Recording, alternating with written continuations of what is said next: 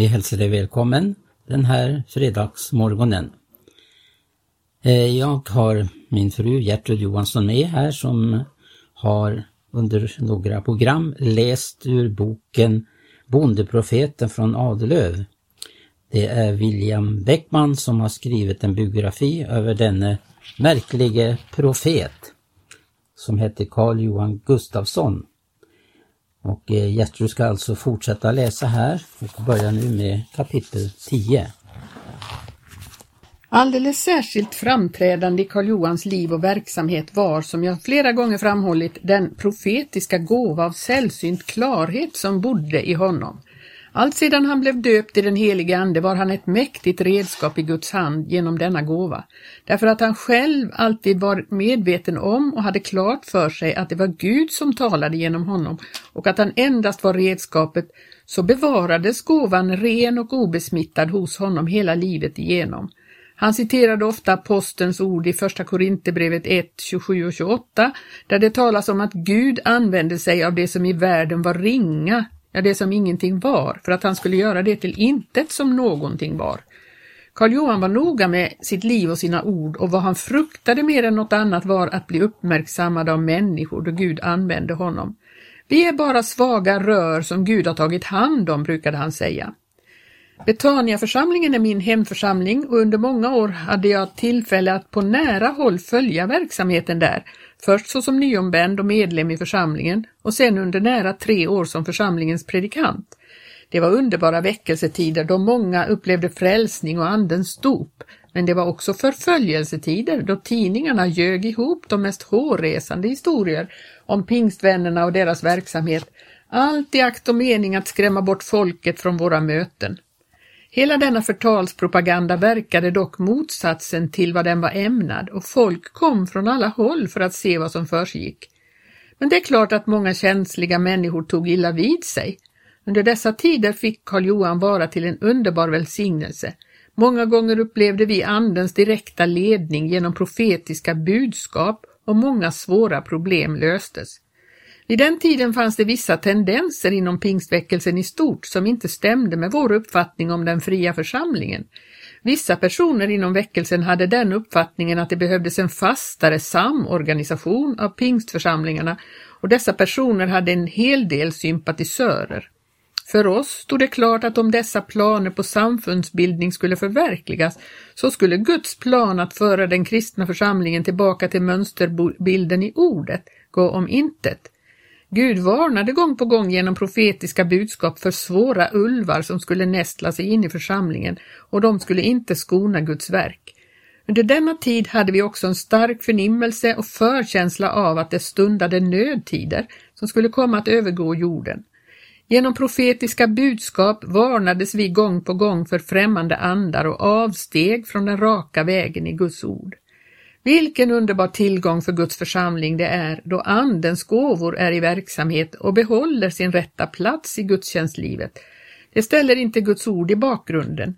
Tvärtom blir det särskilt aktuellt då Guds ande verkar på detta sätt och stadfäster ordet, vad ordet säger. Ett profetiskt budskap kan ibland uträtta mer än många predikningar. Då Andens gåvor har sin rätta plats i Guds församling är det till obegränsad välsignelse. Men det var inte endast i större sammanhang som Karl Johan fick vara till hjälp och välsignelse genom sina andliga gåvor. Många sökte sig till honom då det gällde andliga problem och svårlösta frågor och ofta kunde han genom Guds nåd ge såväl tröst som ledning. Vid ett tillfälle hade församlingen besök av en predika predikande broder som hade kommit i svåra tvivel huruvida han var i Guds vilja med sitt liv. Han var mycket villrådig om hur han skulle handla. Han såg inte någon ljusning och kände sig mycket nere. Nu hade han bett Gud att han skulle tala till honom genom någon som inte visste om hans ställning. Då det en morgon var bön kände Karl Johan sig manad att gå till honom och bedja för honom. Och då han började bedja kom Guds ande över Karl Johan. Han fick tala om precis i detalj hur brodern hade det i sitt liv och vilka tankar som plågade honom. Han fick varna honom för att gå tillbaka till det gamla igen och uppmanade honom att förbli i kallelsen och uppgiften som Gud hade kallat honom till. Så fick denne broder uppleva att Gud talade direkt till hans hjärta och gav honom besked om det som varit dunkelt för honom. Han blev löst och fri från allt som tyngt honom och kunde fortsätta att tjäna Gud i den uppgift som var hans. Karl Johan var en ivrig förebedjare och hade en levande tro på att det Gud hade lovat det var han också mäktig att hålla. Han hade ett brinnande intresse för missionens sak och bar missionärerna och Guds verk på missionsfältet på bönens armar. Då läget i början av 20-talet var mycket kritiskt på pingstvännernas missionsfält i Kongo tog han detta som ett av sina allvarligaste bönämnen. Missionen hade vid denna tid gjort till synes oersättliga förluster då inte mindre än tre av de unga missionärerna fallit offer för giftmördare och av dem som överlevde blev många sjuka och fick fly till andra platser. Flera blev tvungna att resa hem. Det såg vid denna tid oerhört mörkt ut för missionen där ute. Då vi vid ett tillfälle lade fram detta stora bönämne fick Karl Johan en vision av vad som skulle komma. Han fick se ett moget skördefält alldeles färdigt att mejas. Samtidigt fick han förvissning om att Gud skulle sända en mäktig andeutgjutelse över denna del av världen. Det är som ett väldigt hav av kraft och välsignelse och underbara vågor i anden som rullar in över Kongo, ropade han. Det han då profeterade för 40 år sedan har på ett märkligt och underbart sätt gått i uppfyllelse. Inom hela detta väldiga område i Centralafrika har väckelsens ande och kraft varit verksam till miljoner själars frälsning. En missionsman som besökte oss vid ett tillfälle på vårt fält i Kongo uttryckte som sin mening att det var den mäktigaste väckelse som gått fram sedan apostlarnas dagar. Vad som i detta sammanhang är gripande är att Herren uppenbarar för sina tjänare profeterna vad han tänker göra i det kommande. Karl Johan var outtröttlig som förebedjare. Fastän han sysslade med ett tungt arbete hela dagarna tillbringade han ofta hela nätter i bön. Bönen var för honom kraftstationen där han hämtade styrka till såväl kropp som själ och ingen kunde vara mer salig än han då Herren kom med strömmar av vederkvickelse över de bedjande. Han var inte heller förskräckt för fiendens vrede och motstånd. Under en bibelstudievecka i församlingen var det fruktansvärt hårt i mötena. Det var som om ordet inte ville gå igenom. Vi hade en känsla av att ondskans andemakter mobiliserat alla sina resurser för att hindra Gud att utföra sitt verk. Och vi ropade till Gud av allt vårt hjärta att han skulle komma och ge seger. Nästa dags möte som hölls eh, klockan elva på förmiddagen hade Karl Johan fått ett ord från Herren. Frukta icke du land, utan fröjda dig och gläds, ty stora ting har Herren tagit sig för. Vi hade en känsla av att dessa profetiska ord på ett särskilt sätt gällde oss och just detta möte. Då vi efter mötet hade bön för längtande själar kom en stor skara fram som sökte Andens dop och inte mindre än sju upplevde ett mäktigt dop i den helige Ande. En underbar kraft kom över hela församlingen och detta möte blev inledningen till en underbar tid av rika välsignelser då stora skaror upplevde Andens dop och många syndare sökte frälsning. Tiden ville aldrig räcka till i mötena och människor av alla kategorier sökte Gud till frälsning. Den som lever i bönen och vandrar i anden, han har i sanning nyckeln till de gudomliga förrådshusen. O, att allt Guds folk blev profeter. Det hände vid ett tillfälle då jag tjänade Betania församlingen som dess predikant att Karl Johan sände bud på mig och ville att jag skulle komma och bedja för honom. Han hade blivit angripen av en mycket svår ischiasverk och var alldeles hjälplös. Då jag kom till honom låg han på sin säng och vred sig i plågor. På min fråga hur det stod till svarade han, det känns som om någon vore i färd med att såga av benet på mig med en slö såg. Han ville nu att jag skulle bedja och smörja honom med olja i Herrens namn. Samma dag som detta hände skulle jag på kvällen ha möte på en av våra utposter som låg omkring två mil från Karl Johans hem. Om nu Herren gör dig frisk, följer du då med mig till mötet i Kvartarp ikväll? frågade jag. Det lovade han göra. Han var villig att göra vad som helst, bara han blev fri från denna hemska åkomma som plågade honom. Och Gud som är god och barmhärtig och står vid sina löften gjorde ett under med honom. Då vi bad och smorde honom med olja enligt Guds ord grep Gud in i samma ögonblick och helade honom. Han steg upp och började gå runt i rummet under det att han lovade och prisade Gud. Ja, det var verkligen full seger över det onda. På kvällen cyklade vi de två mil långa vägen till Kvatarp och Gud gav oss ett underbart segermöte. Vi stannade på platsen över natten eftersom vi skulle ha möte där nästa dag också. Då besökte vi även en familj som var svårt prövad av sjukdom och bad för vännerna där. Då vi efter vår bönestund satt och samtalade berättade Karl Johan om sin underbara upplevelse från gårdagen, hur Herren underbart och på en gång hade helat honom från den svåra ischias verk som han lidit av. En äldre man som för övrigt var fruns far och var på tillfälligt besök började då berätta att han lidit av samma sjukdom och han fortsatte Nu ska du inte tro min käre Karl Johan att du är fri från din sjukdom. Den blir du aldrig fri ifrån. Det där att du känner dig frisk idag, det är bara en tillfällig känsla. Du ska allt få se att sjukdomen baka igen och då kommer det att bli mycket värre än det var förut. Nej, du skulle ha stannat i sängen och värmen och inte gett dig ut och cykla i denna råa vårluft. Ja, så gick han på och utspred sin otro. Under det att vi lyssnade på den gamle mannens ord såg jag hur Karl Johans ansikte mulnade mer och mer och jag fick en otäck känsla av att fienden kastade sig över honom med sjukdomen på nytt. Vi skyndade oss att säga farväl till våra vänner och då vi kom ut ur stugan kunde Karl Johan nätt och jämt linka sig fram. Då jag såg hur det var blev jag alldeles förskräckt och frågade ängsligt, for Ischian på dig igen? Ja, jämrade han sig, du måste bedja för mig igen. Så snart vi hunnit ett litet stycke från stugan böjde vi våra knän vid vägen och ropade till Gud och han, att han skulle gripa in och hela. Det dröjde inte många minuter förrän vi förnam att vi hade kontakt med den gudomliga kraftkällan på nytt och verken släppte sitt grepp. Aldrig förr har jag förstått, sa Karl Johan, hur farligt det är att lyssna på en som predikar otro. Jag kände mig manad att gå när han började sprida sin otro och jag kände att ju längre jag satt kvar blev det onda värre och värre. Aldrig mer ska jag då lyssna på otrospredikan. Gud visade emellertid att han gjort ett fullkomligt verk, ty Karl Johan blev frisk i sitt ben från den stunden, trots att han hade mycket ansträngande kroppsarbete och gick och cyklade långa vägar. Karl Johan besökte vid ett tillfälle tillsammans med pastorn i församlingen en sjuk medlem. Man trodde den gamla endast hade någon dag kvar att leva. Hon var över 90 år och ville få del av Herrens måltid innan hon slutade sitt liv. De hade en mycket dyrbar stund tillsammans med den gamla Kristinnan och Karl Johan bad särskilt för henne att Herren skulle låta henne få en vid och rik ingång i paradiset. Den gamle prisade också Gud av hela sitt hjärta men någon hemfärd blev det inte den gången. Hon blev istället frisk, kom upp och levde frisk och kry i ännu hela tre år. Karl Johan blev allt eftersom tiden gick mer och mer anlitad som talare vid möten och konferenser. Han var ingen predikare i vanlig mening, snarare hade han, som vi redan förut nämnt, en rik profetisk gåva.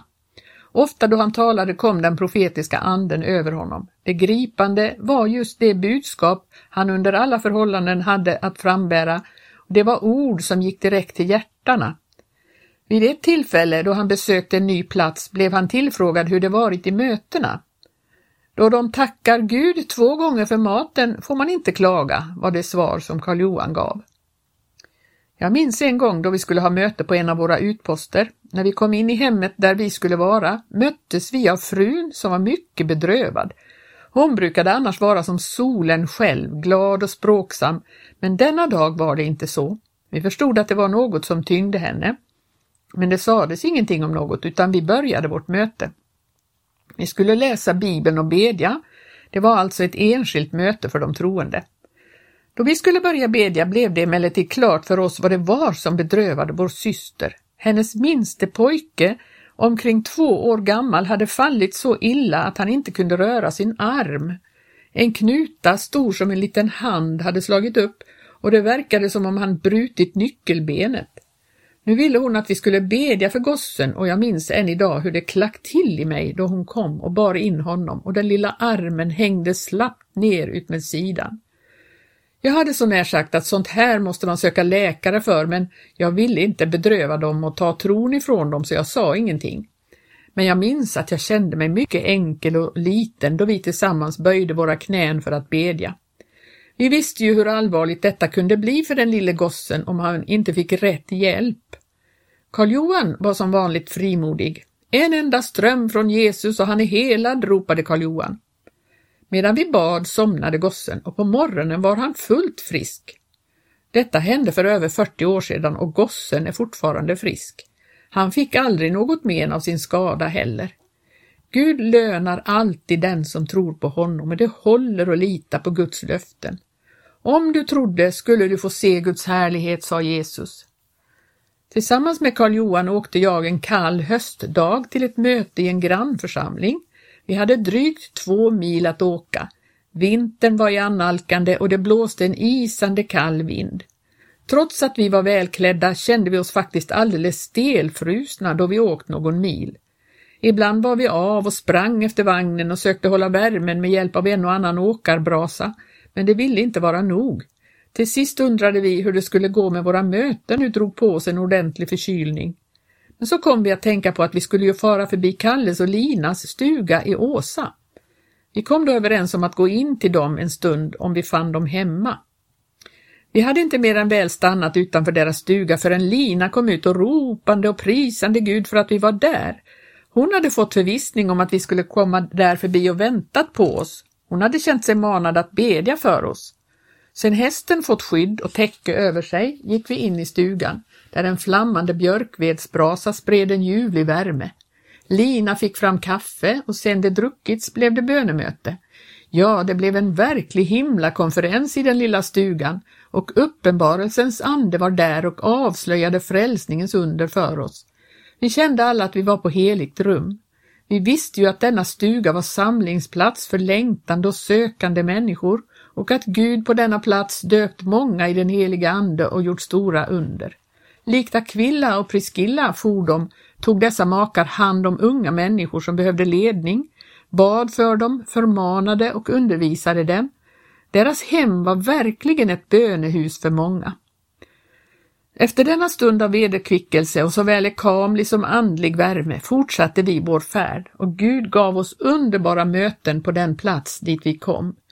Gud gav oss verklig utdelning och välsignelse av denna resa och det var, som Karl Johan uttryckte det, underbart när Gud tar till den stora skopan och öser med. En del bara ber om några droppar, men Gud vill leda oss ut i den dubbla strömmen, där vi får uppleva frälsningens kraft och glädje. Jag tjänade Betaniaförsamlingen under åren 1926 till 28. På hösten 1927 jag hade då ingått äktenskap med Maria Jakobsson, tänkte jag sluta min tjänst i församlingen för att ordna för vår utresa till missionsfältet i Kongo. För min fru var underhållet klart men själv hade jag inte tillräckligt och jag kände mig mycket orolig över detta.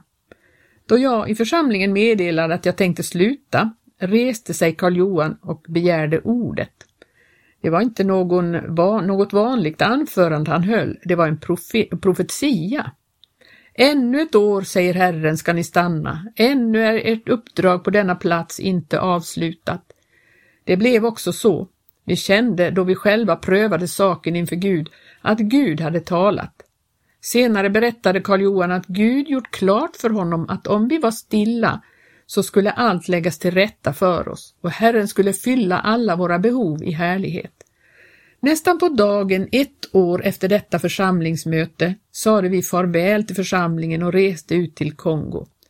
Ännu ett år hade Herren sagt genom sin tjänare och det skedde så som Herren hade talat. Tiden i Betaniaförsamlingen var en underbar tid som gav oss som unga missionärer många dyrbara lärdomar. Vi upplevde också, som jag förut berättat, märkliga tider av väckelse. Underbara ting skedde, Gud uppenbarade sig mäktigt genom anden och ordet och genom tecken och under. Folk samlades i skaror mer än lokalerna kunde rymma och många upplevde frälsning. Ofta såg man elden brinna över lokaler där man samlat, samlats till möten. Vi skulle kunna berätta mycket om sånt som hände under väckelse. Vid ett tillfälle föll elden över sångarna som sjöng, tungor som av eld brann över dem. Andens gåvor var mäktigt i verksamhet och många upplevde ett dop i den helige Ande. Under denna tid var Karl Johan riktigt i sitt esse och del hela sin själ i arbetet. Hans aldrig sinande intresse för det ofrälsta nöden för de förlorade fåren lämnade honom aldrig. Då han talade förnam han alltid bakom orden ett hjärta som ömmade just för syndare. Vid ett tillfälle besökte Karl Johan församlingen i Nyhem och man hade ordnat möte i en stuga på en av församlingens utposter. I stugan bodde en gammal man som hade dålig hörsel. Han hade därför placerat sig alldeles intill bordet där predikanten stod. Karl Johan hade till text Apostlagärningarna 10 och talade om vad som skedde i Cornelihus. Han predikade med väldig kraft och smörjelse. Den gamle mannen blev allt mera gripen ju längre han lyssnade till budskapet och slutligen kunde han inte sitta stilla utan reste sig, la handen på Karl Johan och sa högt och ljudligt När anden kommer blir det kraft, min vän. Utan att låta störa sig fortsatte Karl Johan att predika, men det hade inte gått värst länge förrän den gamle mannen reste sig på nytt och grep tag i Karl Johan och ropade Kan du säga mig varför folk inte tar emot denna underbara frälsning? Karl Johan gjorde ett uppehåll i sin predikan och ropade till gubben. De otrognas ögon har denna tidsålders Gud så förblindat att de inte ser det sken som utgår från evangelium om Kristi, Guds egen Abils härlighet. Så fortsatte han sin predikan igen, som om ingenting hänt.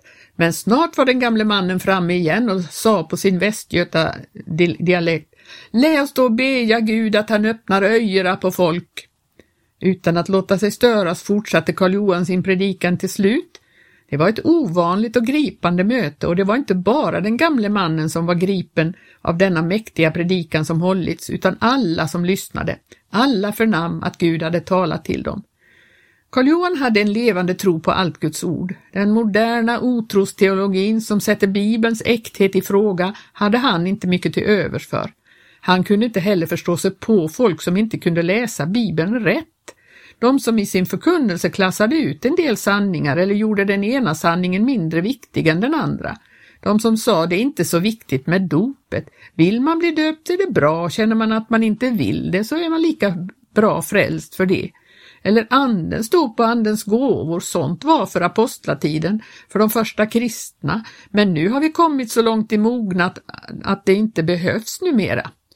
De är andligt synskadade, sa han. De har inte fått den andra behandlingen. De behöver ännu ett vidrörande av Jesus så de får full syn och kan döma rätt när det gäller de andliga tingen och Guds ord. Då han talade om den andra behandlingen tänkte han på vad som skedde med den blinde från Betsaida som efter ett vidrörande av Jesus sa att han kunde se människorna gå omkring men likna träd. Efter ännu ett vidrörande av Jesus såg den mannen allting klart, även på långt håll.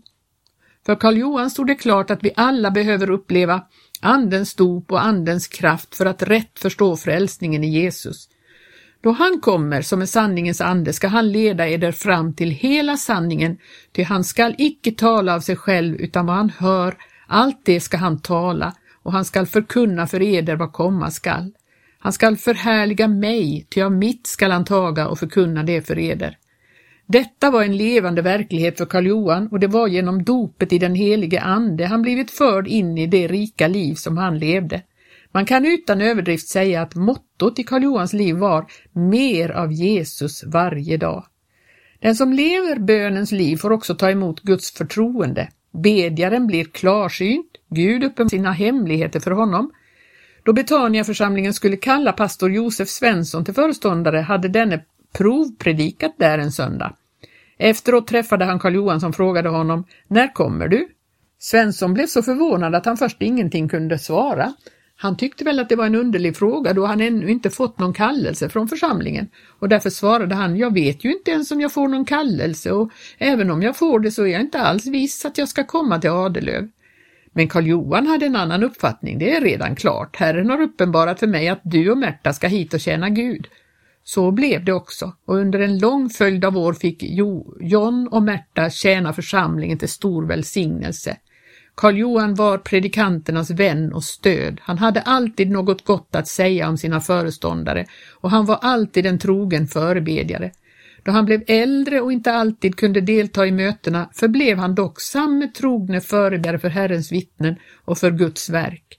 Det var gripande att höra honom räkna upp den långa raden av predikanter och missionärer som han hade på sin bönelista. Trots att Karl Johan gav så mycket tid till Guds verk försummade han aldrig sitt hem och sin familj och man hörde aldrig någon i familjen knota över att Karl Johan ägnade sig för mycket åt möten. Man hade en känsla av att hela familjen i det fallet delade ansvaret och stödde honom. Aldrig ska jag glömma hur salig och glad han var då ett av hans barn fick Guds kallelse att gå ut på fältet. Jag tror att han med glädje skulle offrat alla sina barn till samma tjänst om så varit Guds vilja. Vi stannar där idag och läser fortsättningen nästa fredag.